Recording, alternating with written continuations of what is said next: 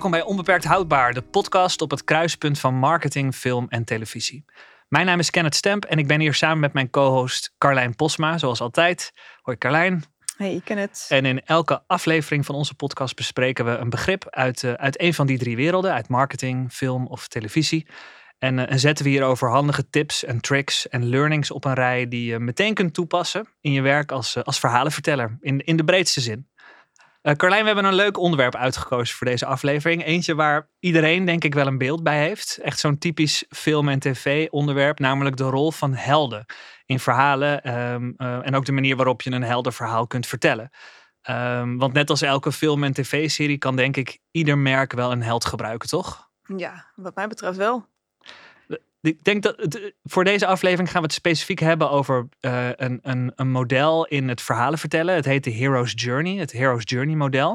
Um, daar heb ik me flink in verdiept. Ik was me er een klein beetje wel bewust van dat het bestond. En ik wist ook wel dat het ten grondslag uh, ligt aan een aantal van de grootste films en series die we, die we kennen. Maar voor deze aflevering heb ik me echt even verdiept in wat het model, hoe het model is opgezet waarom het is bedacht, voor wie het nuttig is en um, uh, waarom het handig is voor het vertellen specifiek van heldenverhalen. Um, het is daarnaast ook gewoon een heel nuttig model voor het vertellen van een verhaal. Laat staan of je dat wil doen met helden of hoofdrolspelers of noem het maar. Het is echt een, uh, het, het, het zijn hele fijne kaders, heb ik gemerkt, om te hebben als je een verhaal wil vertellen. Dat is een fijne structuur, hè? een vaste, vaste opbouw. Vastigheid, ja, precies. Ja. Dus ik, ik wilde eigenlijk beginnen met uh, even, even inchecken, even kijken waar jij aan denkt als je nu denkt aan de ultieme film- of televisieheld. Bij mij schiet er meteen eentje binnen, maar ik ben heel benieuwd hoe dat bij jou zit. Ja, nou ja, bij mij schiet er niet meteen één binnen, maar ik kan mij wel herinneren dat we eind jaren negentig had je al die films met Tom Cruise, Bruce Willis. Dat zijn natuurlijk echt van die grote, grote namen. En, ja. en, en, vaak in films waar ze inderdaad een, echt een heldenrol speelden. Ja. En ik denk dat ik er daar wel echt heel veel van heb gezien. Want ik, ik woonde in die tijd in Rotterdam. Mm -hmm. En daar had je de videoot. Ja, goeie naam. Videoot. Ja, ja. videoot. ik, ik, kan niet zo goed Rotterdams. Maar um, uh, bij de video's kon je dus drie films halen voor een tientje voor de hele week. Ja, dus top. dat deden we dan elke, mm. elke week. Dus dat was eigenlijk in die tijd al best veel. Dat je drie films door de week tijdens je studie uh, erbij ging kijken. Dat is natuurlijk, uh, als je het vergelijkt met nu. Nou, ja, nee, ja, dat nu, is, dat, daar red je het nu niet meer mee. Nu ja. zit je gewoon lekker in je huiskamer voor... Um, nou, eigenlijk als je dan dat bedrag eens omrekent, hè, een tientje per week. Mm -hmm. Oh, er waren guldens natuurlijk. Ja, ik wilde het niet zeggen, maar ik wilde wel ja. zeggen, ja, 10 gulden of niet? 10 gulden, ja, ja, precies. Maar dan kom je toch op 40 gulden in de maand. Ja. ja dat is toch een, dat is een mooi streaming abonnement. Dat is een stevig streaming abonnement, ja, precies. Maar uh, een streaming abonnement waarbij je zelf de films moest terugspoelen. Dat dan weer wel. Terugspoelen, ophalen. Ja, dat hoeft Op tijd terugbrengen. ja, ja het, is, het zijn hele goede voorbeelden. Het, ik, volgens mij, ik moet hard nadenken over een film waarin Tom Cruise of Bruce Willis geen held speelt. Ik, ja, ja, bij Tom Ja. Cruise heb je Tropic Thunder. Daar speelt hij niet echt een held. Daar speelt Ah, hij meer een soort uh, bad guy. Ja, of bad guy, een beetje een nare filmproducent. Daar, daar, Oh, daar, ja, ja, maar ja. ook zeg Ja. maar. uh, dat is een van de weinige keren dat hij dat doet, zeg maar. Het zijn wel Ja. echt stereotype Tom filmhelden. Cruise sowieso, denk ik. Bruce Willis heb je ook natuurlijk de, de Sixth Sense. Dat is, daar speelt hij wel een Ah, hoofdrol. ja. Of het nou een held is. Ja. Niet echt, hè? Ah, Ja, geen volgt- spoilers, ja, maar- Dan gaan we, ja, dan gaan we de, ik denk dat we daar deze, eh, deze podcast nog wel achter gaan komen. Is het dan een held of... Ja, wat is een held dan eigenlijk? Ja, precies. Ja, dat, dat uh, Hero's Journey model loslaten op, op uh, Six Sense zie ik ook wel zitten. ja, als ik denk aan helden, dat voor mij zijn ultieme helden personages als uh, ja, Neo uit de Matrix moet ik meteen uitdenk, aan denken. Ja. En um, Luke Skywalker uit Star Wars. Dat is Ja. ook, ja, als ik mijn ogen dicht doe en denk aan filmhelden, dan komen die gewoon als eerste naar voren. Zij hebben absoluut mijn jeugd als filmkijker gevormd. Dat is eh, zelfs zo heftig geweest in het geval van, eh, van Neo en van de Matrix films. Die kwamen volgens mij voor mij op het, precies het juiste moment uit. Ook omdat ik me begon te interesseren in zelf films maken en filmen en monteren en scripts schrijven en zo. Dat, ik vond laatst op een oude harde schijf allemaal ja, half gemonteerde, maar zelf geschoten filmbeelden van een, uh, een, een The Matrix, een, een zelfbedachte Oh, The Matrix film. Ja, ja, die ik samen met mijn broertje en met een goede vriend van ons heb gemaakt. En, met en- acteurs en al. Dus zij acteerden. Of, ja, eh, wij met z'n drieën. Eh, we wisselden een beetje qua rollen. Eh, eh, mijn broertje heeft het script geschreven.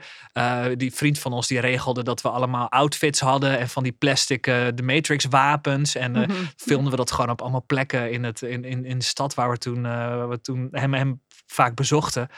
En, en in, een, in diezelfde doos waar die harde schijf in lag, eh, zat ook nog het, het filmscript van die film. En ik moet zeggen, eh, ik, ja, ik zou hem nu niet meer zo op mijn LinkedIn zetten als, eh, als Nee, bewijsstuk het, van mijn scriptschrijfskills. Maar het, het, Het zou wel leuk zijn om toch even in de show notes te, toe te voegen. Oh ja, Ik ik, dacht weet je niet of ik dat durf. Maar het- ik, ik, met, met zeg maar de, de, de, de kennis die ik had opgedaan over dat Hero's Journey model, ben ik eens door dat script heen gegaan. Ik moet toch zeggen, ik had hem al wel redelijk door. Op Kijk, mijn, zie? eh, weet ik, hoe oud was ik? Elf of zo. Eh, ik had hem al wel, eh, zeg maar, zonder dat ik er heel erg mee bezig was, toch, toch wel redelijk goed op toegepast.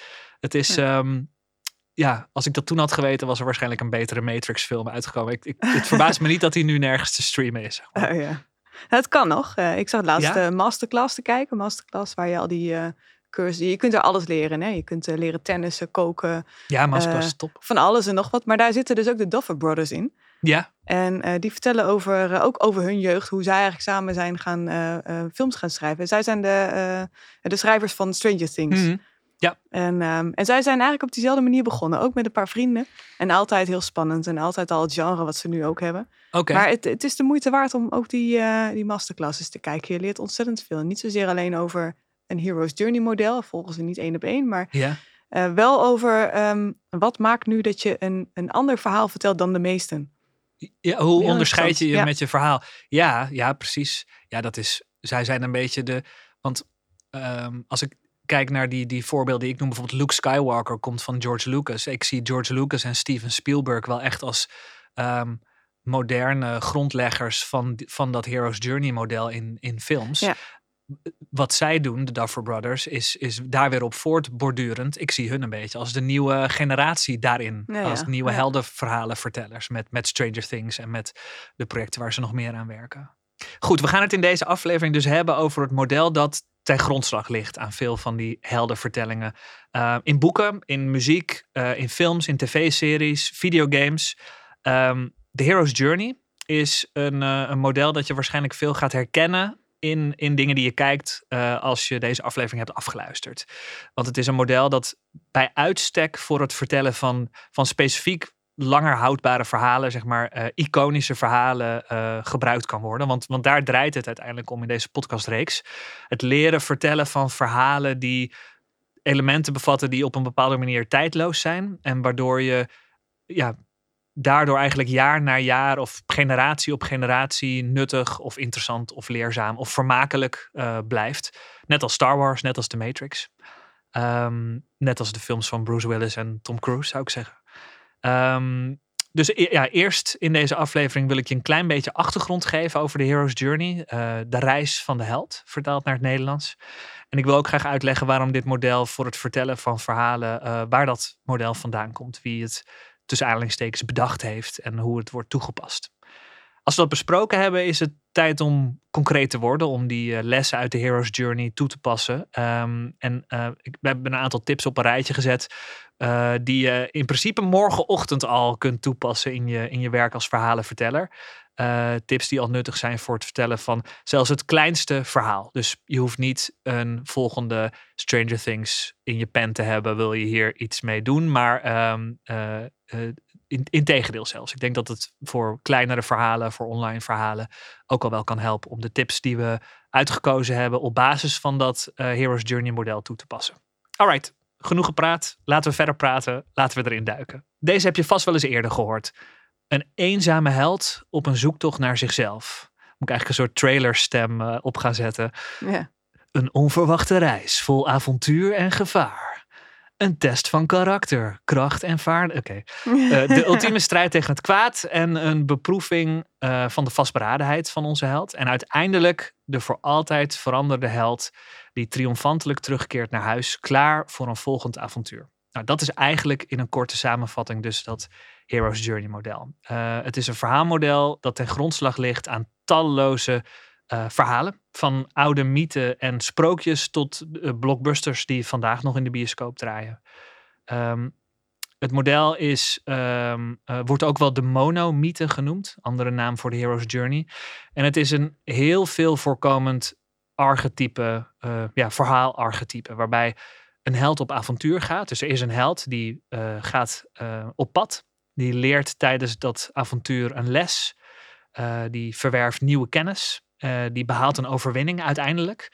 En door die reis die hij gemaakt heeft, of zij, is hij getransformeerd en gaat hij terug naar huis.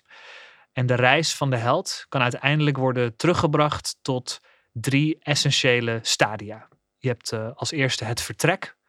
De held die zijn vertrouwde omgeving achter zich laat. De tweede fase is de initiatie.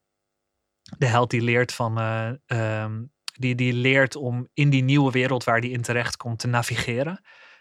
Uh, en de terugkeer. Dus de held die nadat hij die onbekende wereld heeft getrotseerd, weer terugkeert naar zijn vertrouwde omgeving.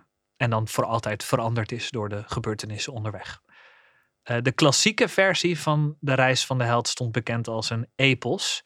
En die werd vaak geschreven in poëtische vorm, zoals uh, het Odyssee van, van Homerus.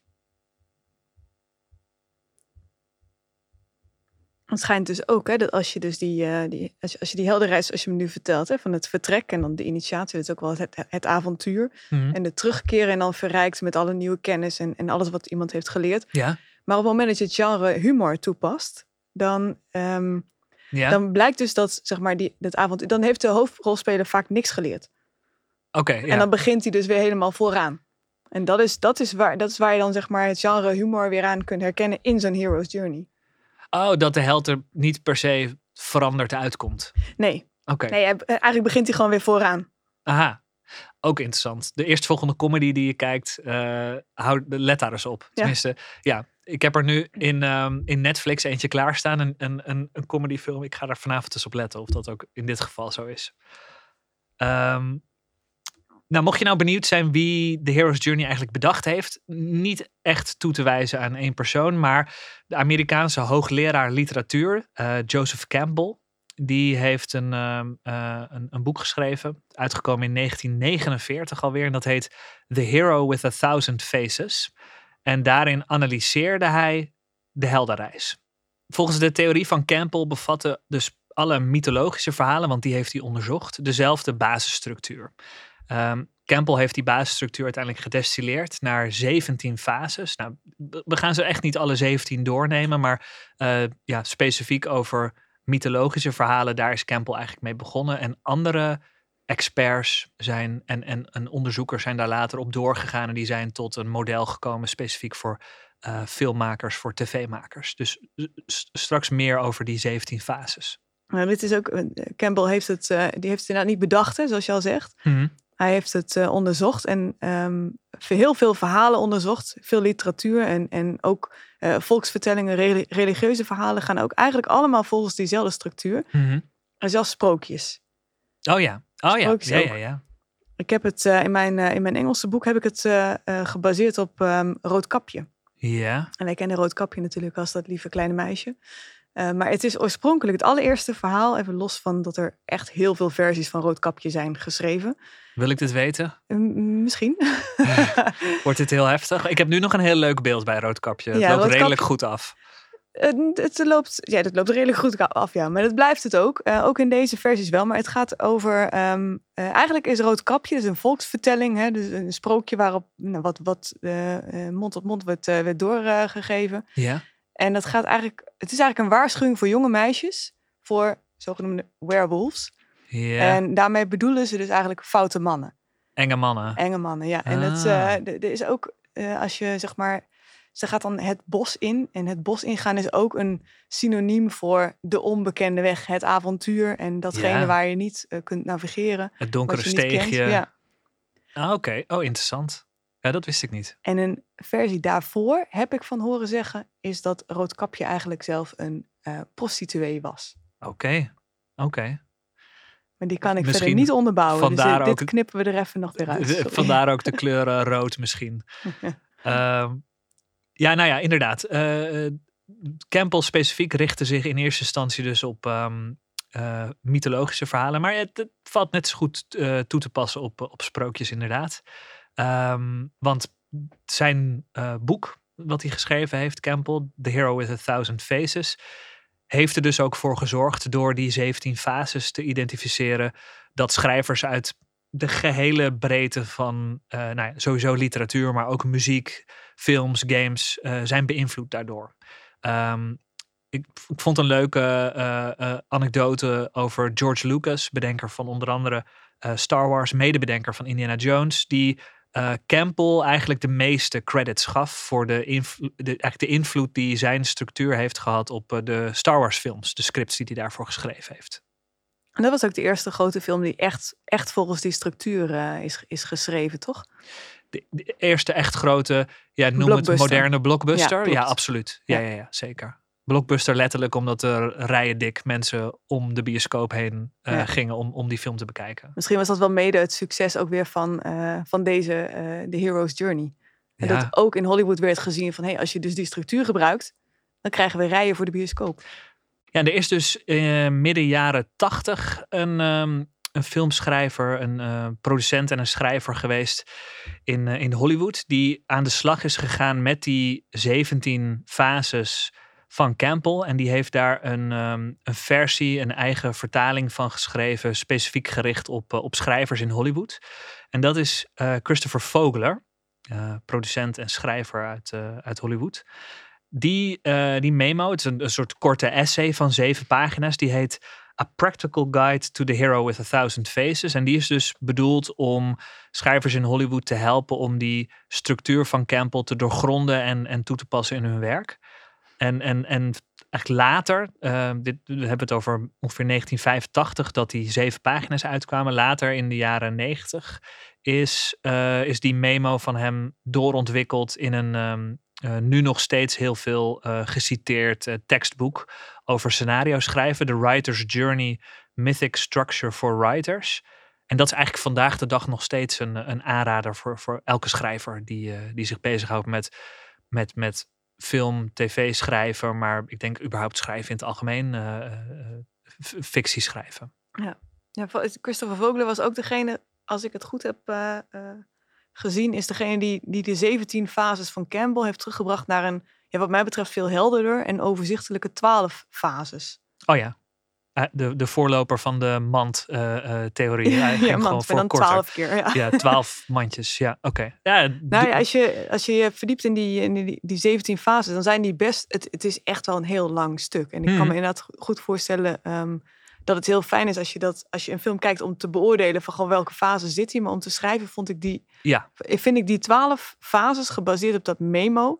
Ik vind het memo zelfs nog prettiger leesbaar dan het boek ook. Ja. Maar goed, ik heb ook geen scenario, scenario schrijven gedaan. Ik denk dat eh, iedereen die deze podcast luistert, sowieso kan ik aanraden om deze hele aflevering af te luisteren. Ja. Dat één.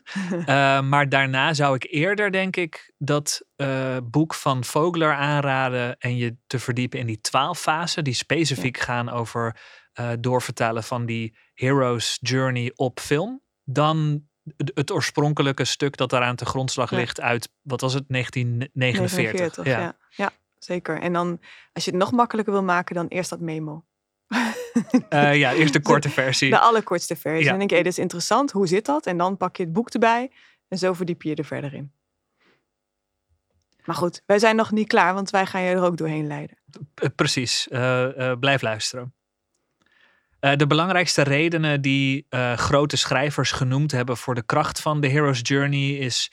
eh, de belangrijkste reden is eigenlijk het feit dat het voor een heel bruikbaar en praktisch framework zorgt voor het schrijven van verhalen. Het kan fungeren als een richtingsgevoel in een, in een wereld vol creatieve schrijfideeën en mogelijkheden. Want ja, dit ken ik zelf als schrijver ook. Op een wit A4'tje is, is alles mogelijk. En dan kan het enorm schelen als je eh, wat, wat spelregels hebt. Zeg maar de, de twaalf regels om mee aan de slag te gaan. Of de zeventien de- eh, richtingen die, of stappen die zo'n verhaal kan, kan doormaken. Ehm, iets hebben om op voor te bouwen kan je vaak een, een soort extra vertrouwensboost geven. Een andere reden waarom het model voor veel schrijvers werkt, is omdat het zorgt voor uh, creatieve vrijheid. Want het, zijn maar regels. Dus je kunt ermee spelen, je kunt ze tweaken, je kunt ze doorontwikkelen. Uh, op elke manier die je maar wilt. Je kunt het helemaal je eigen maken. Je hebt zelf de creatieve vrijheid om jouw verhaal in elke richting te sturen die je maar wilt. En om ook dus de verschillende stadia uh, uh, te nemen zoals ze voor je liggen, of, of juist te negeren of om te buigen. Um, het is niet voor niets dat die heldenreis al zo lang bestaat. Het, het, werkt. Het is keer op keer weer succesvol gebleken. Je, je kunt het vinden in uh, films als The Wizard of Oz, tot, tot Shrek, tot de nieuwste blockbusters die, die, die nu uitkomen overal als je goed kijkt, en soms als je, je hoeft er niet eens heel goed voor te kijken, is dat model wel weer terug te vinden. Dus uh, als schrijvers verliezen we ons vaak gemakkelijk in het idee dat we ons moeten onderscheiden, dat we iets anders moeten doen.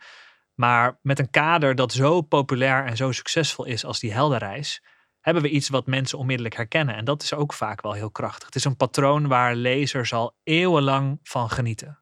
En er wordt ook af en toe wel gezegd, hè, van het is, uh, het is ook wel een beetje een, het is ook een beetje een trucje.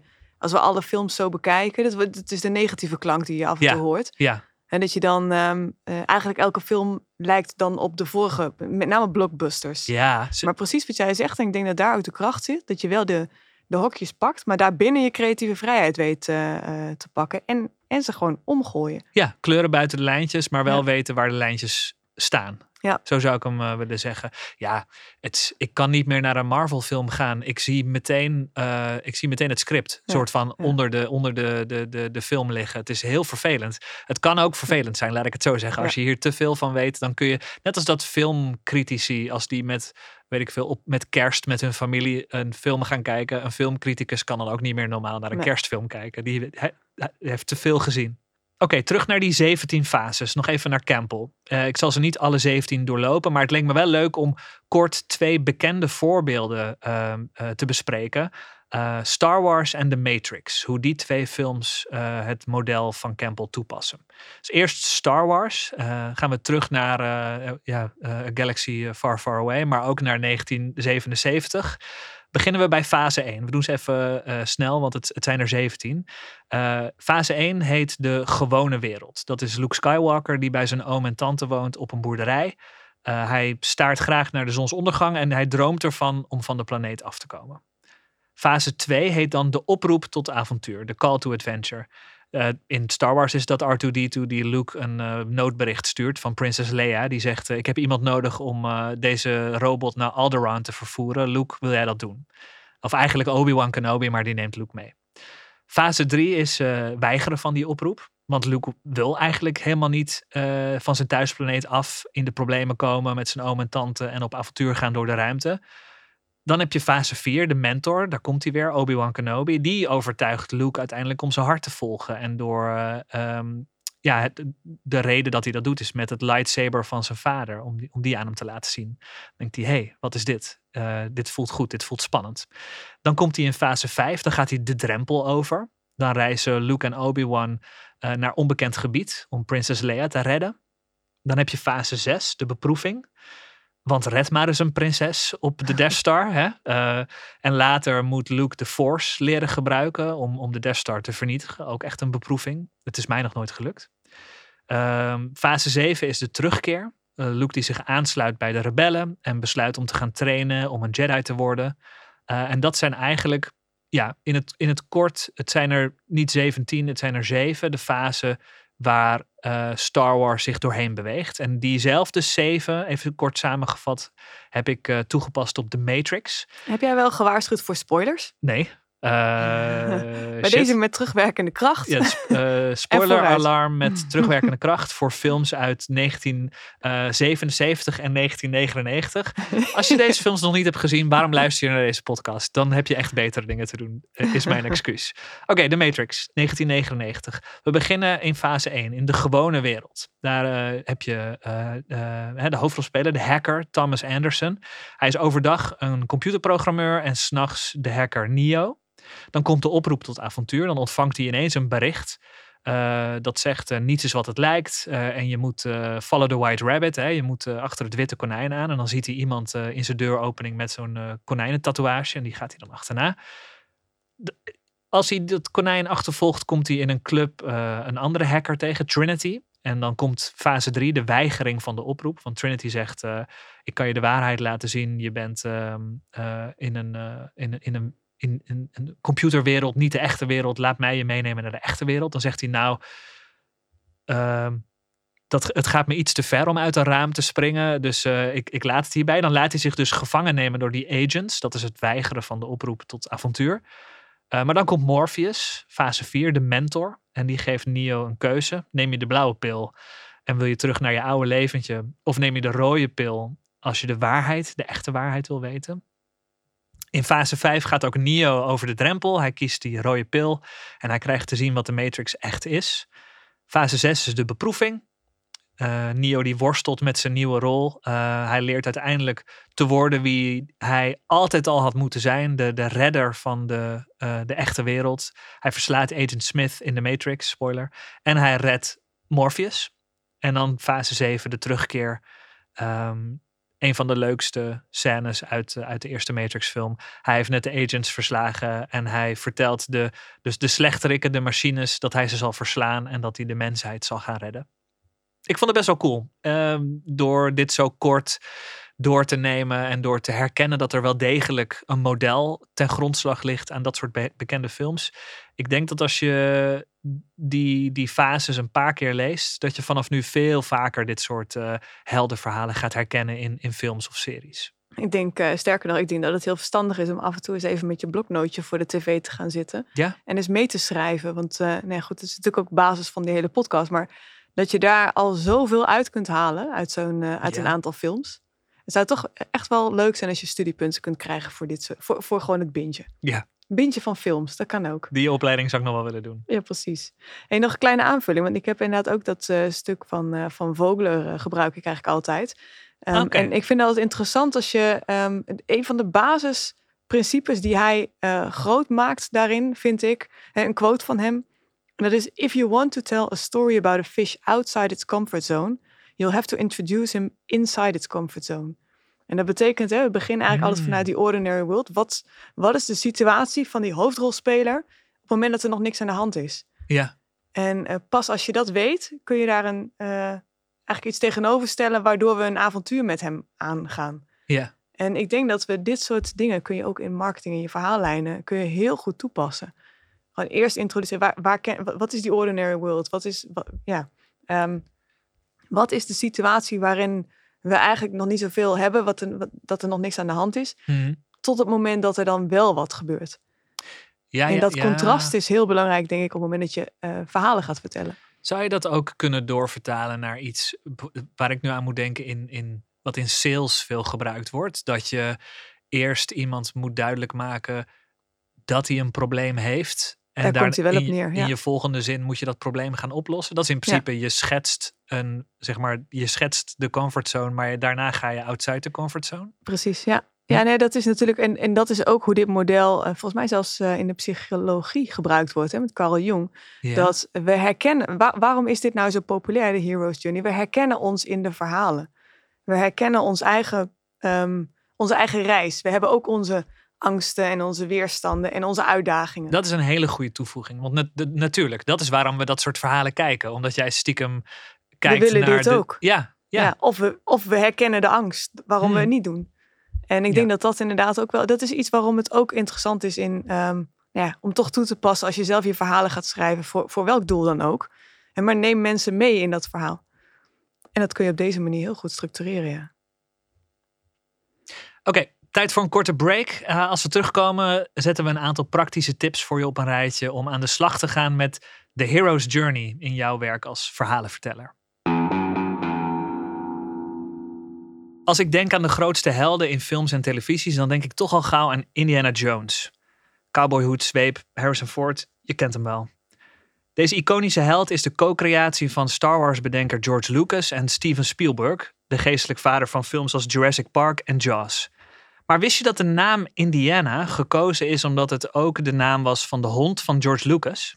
Ik wist dat nog niet. Uh, en dat de film en het personage Indiana Jones bedacht zijn door George Lucas terwijl hij met Steven Spielberg op een strand in Hawaii zat. Eind jaren 70 wachten de twee tot de inkomsten van het immens populaire eerste Star Wars deel binnenkwamen. Toen Spielberg aan Lucas zijn wens vertelde om een avonturenfilm à la James Bond te maken. Maar Lucas had een beter idee, zei hij. En hij vertelde Steven Spielberg alles over de door hem bedachte held. Een archeoloog met een hoed en een zweep die Indiana Smith heette. Spielberg vond het idee fantastisch, behalve de naam. Uh, gelukkig maar, want Indiana Smith, ik, eh, ik voel hem niet helemaal. Op advies van Steven Spielberg werd toen de naam al snel aangepast naar de inmiddels wereldberoemde naam Indiana Jones. Oké, we zijn weer terug. Tijd om concreet te worden en een aantal handvatten op een rijtje te zetten die, uh, ja, die je wegwijs gaan maken in het gebruiken van de, van de Hero's Journey. De eerste die ik wil noemen is eigenlijk een hele logische, namelijk lees The Hero with a Thousand Faces van, uh, van Joseph Campbell.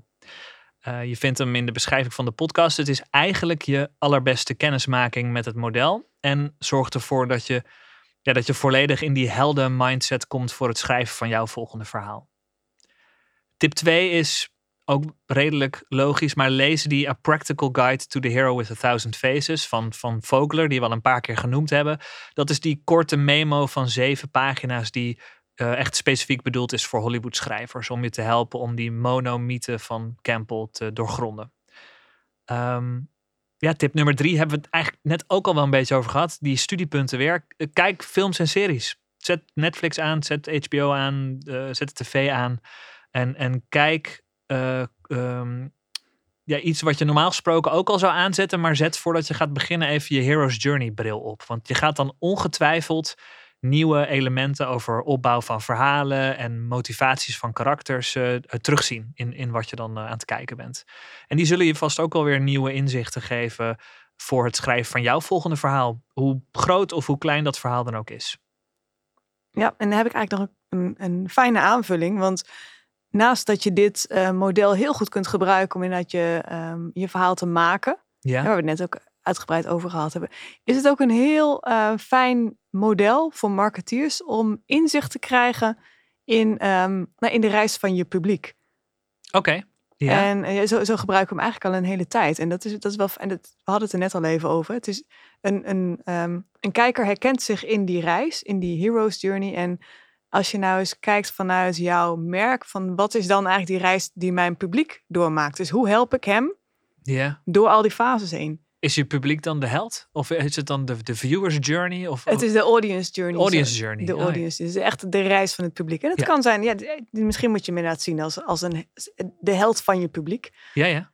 Maar goed, we, we, we gaan eens even kijken hoe, um, hoe, hoe je dat dan zou kunnen toepassen. Want het geeft echt heel veel inzicht. Het is ook niet zo dat je dat nou één op één moet gaan uh, doorwandelen. Maar het geeft wel inzicht in waar bevindt mijn publiek zich en wel, wat, welke behoefte heeft hij op dat moment. Ja. En we denken vaak dat uh, als wij als merk iets communiceren, dat, dat jouw publiek daar met open armen op zit te wachten. En, um, nou ja, en, en, en dat hij maar al te graag jouw content wil lezen. Want daar ben je namelijk zo fijn mee bezig geweest. En dat, ja, dat wil je toch heel graag vertellen. Spoiler, maar, dat is niet zo. Dat is niet zo. En het is niet eens een spoiler, dat is gewoon keiharde dat is waarheid. Niet waar. Ja, ik, ik werd daar laatst weer op een hele leuke manier mee geconfronteerd. We hebben een, uh, uh, in het, in het, uh, op de website een, een nieuwe tool geïnstalleerd... waarbij je kunt zien hoe iemand met zijn muis beweegt en ook doorscrollt. En dan zie je iemand, een websitebezoeker, helemaal anoniem... door, jou, door onze website gaan en dan uh, heel echt met, met zeg maar, de snelheid van het licht door mijn geschreven blog heen knallen. En gewoon meteen doorklikken naar een volgende pagina. Dat was heel confronterend. Dat is nou voor jou wel, voor de salesmensen. Die denken mooi. Ja, door naar die koopknop. door, ja, precies. Ja. Maar goed, eh, in principe is je publiek, hè, die, die, die zit nog helemaal niet op dat spoor. Maar jij, jij, jij had, in dit voorbeeld heb je, heb je ze al op je site.